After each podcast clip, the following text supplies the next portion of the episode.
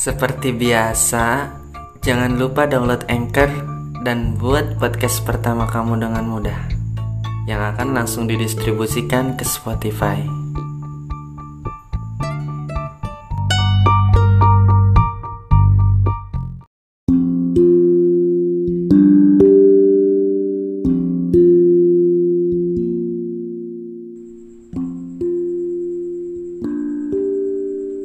Halo kak, aku sering lo dengerin podcast kakak. Jujur, dari namanya aja udah menarik banget. Aku tertarik sama konsep sederhana yang kakak anut. Makasih ya kak udah buat podcast ini.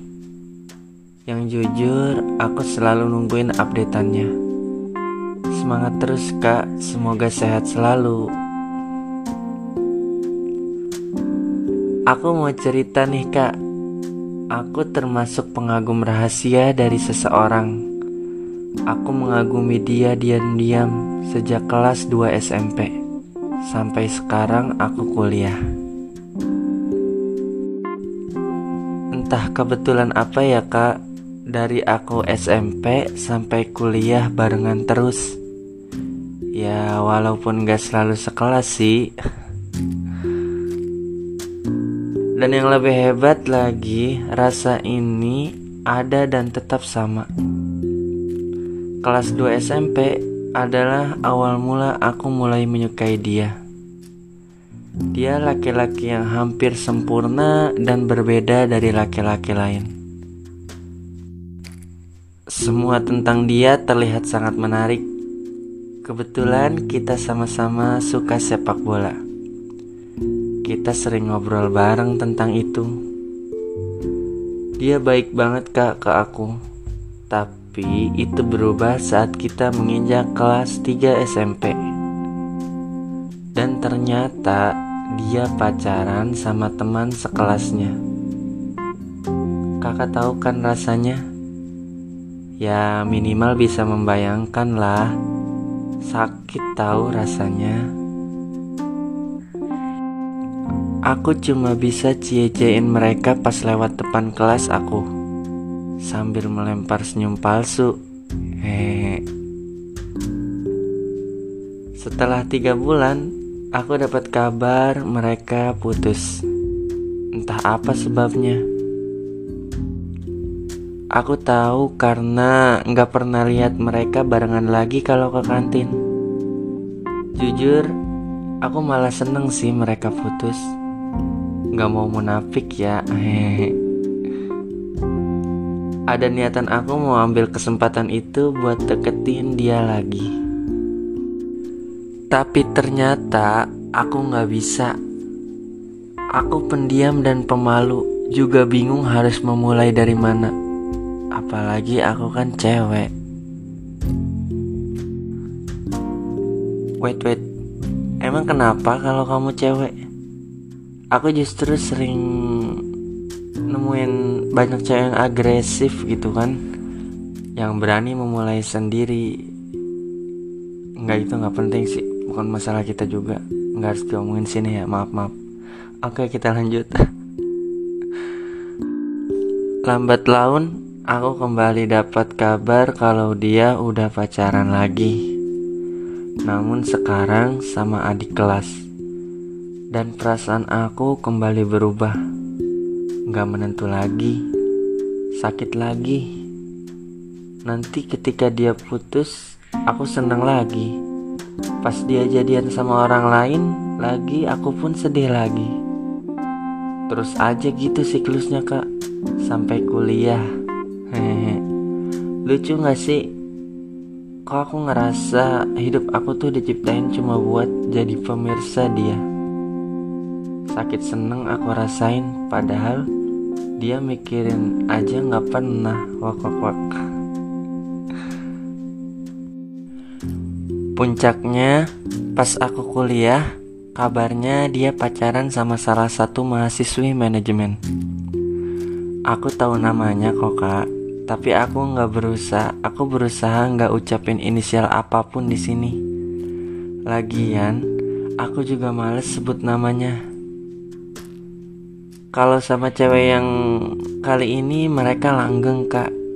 Seneng banget Lihat story-story whatsapp sama instagramnya tuh kayak bahagia banget mereka. Mereka so sweet banget. Oh. Dari situ aku mikir Kayaknya udah cukup deh. Udah cukup aku ikutin hidup dia. Aku harus berhenti mengagumi dia Mengagumi orang yang bahkan asing sekali denganku saat ini.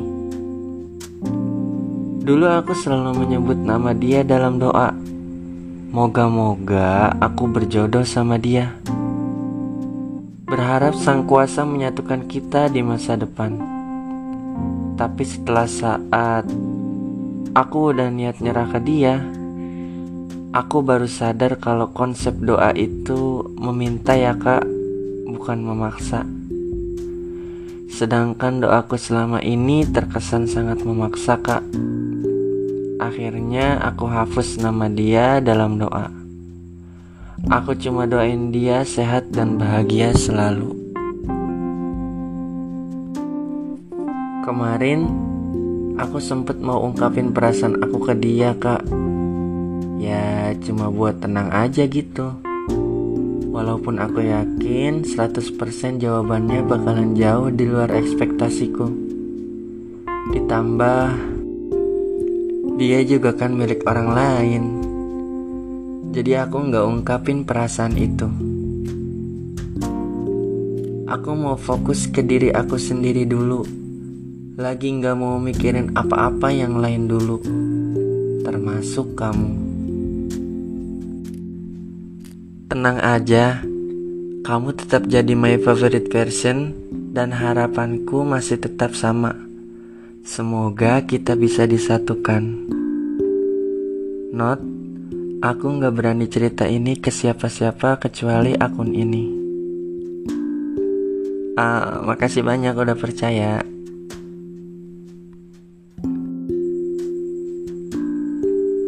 Um, perjuangan. Kalian tahu nggak sih bahwa berjuang itu bukan hanya tentang sekedar mengejar, memaksa yang nggak bisa, mengungkapkan yang belum waktunya, atau mengatakan yang sejujurnya. Biar apa? Biar lega? Belum tentu. Nih aku ajarin ya.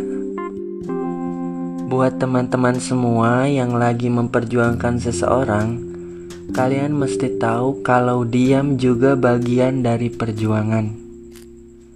Ketika kamu diam, sebenarnya kamu sedang berjuang. Diam untuk yang kamu rasa belum mungkin untuk digenggam. Untuk yang kamu pikir di suatu hari nanti kalian akan dipersatukan untuk seseorang yang kamu cinta, untuk seseorang yang kamu harapkan sejak lama, untuk seseorang yang jadi your favorite version. Diam juga perjuangan tahu, bahkan diam lebih hebat daripada bertingkah atau melakukan sesuatu yang tanpa perhitungan, apalagi yang gak pasti. Kalau perhitungannya udah jelas, dan ada sedikit celah, baru kamu mulai berjuang dengan cara bergerak. Itu yang benar. Terakhir aku mau bahas tentang konsep doa nih. Kamu bener banget kalau konsep doa itu meminta bukan memaksa. Kadang kita sibuk meminta agar diberikan yang terbaik sampai kita lupa Sang Pencipta tahu yang terbaik untuk kita. Ada yang pergi saat doa-doa terlangitkan. Sering juga kita lupa bahwa tidak juga merupakan jawaban. Jawaban terbaik dari Sang Pencipta mungkin. Um, berat rasanya dapat jawaban tidak dari Sang Pencipta. Padahal bisa jadi itu jawaban dari apa-apa yang selama ini kita pinta. Jika tahu dia maha sempurna, kenapa masih sempat-sempatnya kita memaksa ketika berdoa?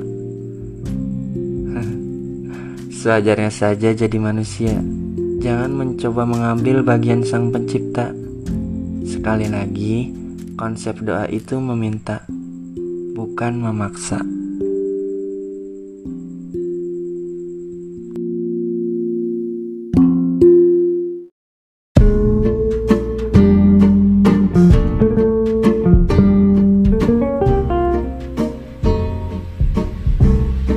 Jadi udah download Anchor belum? Download Anchor sekarang dan mulai sebarkan suara serta cerita kamu di sana. Karena bisa jadi akan banyak hal baik yang hadir dari podcast yang kamu buat.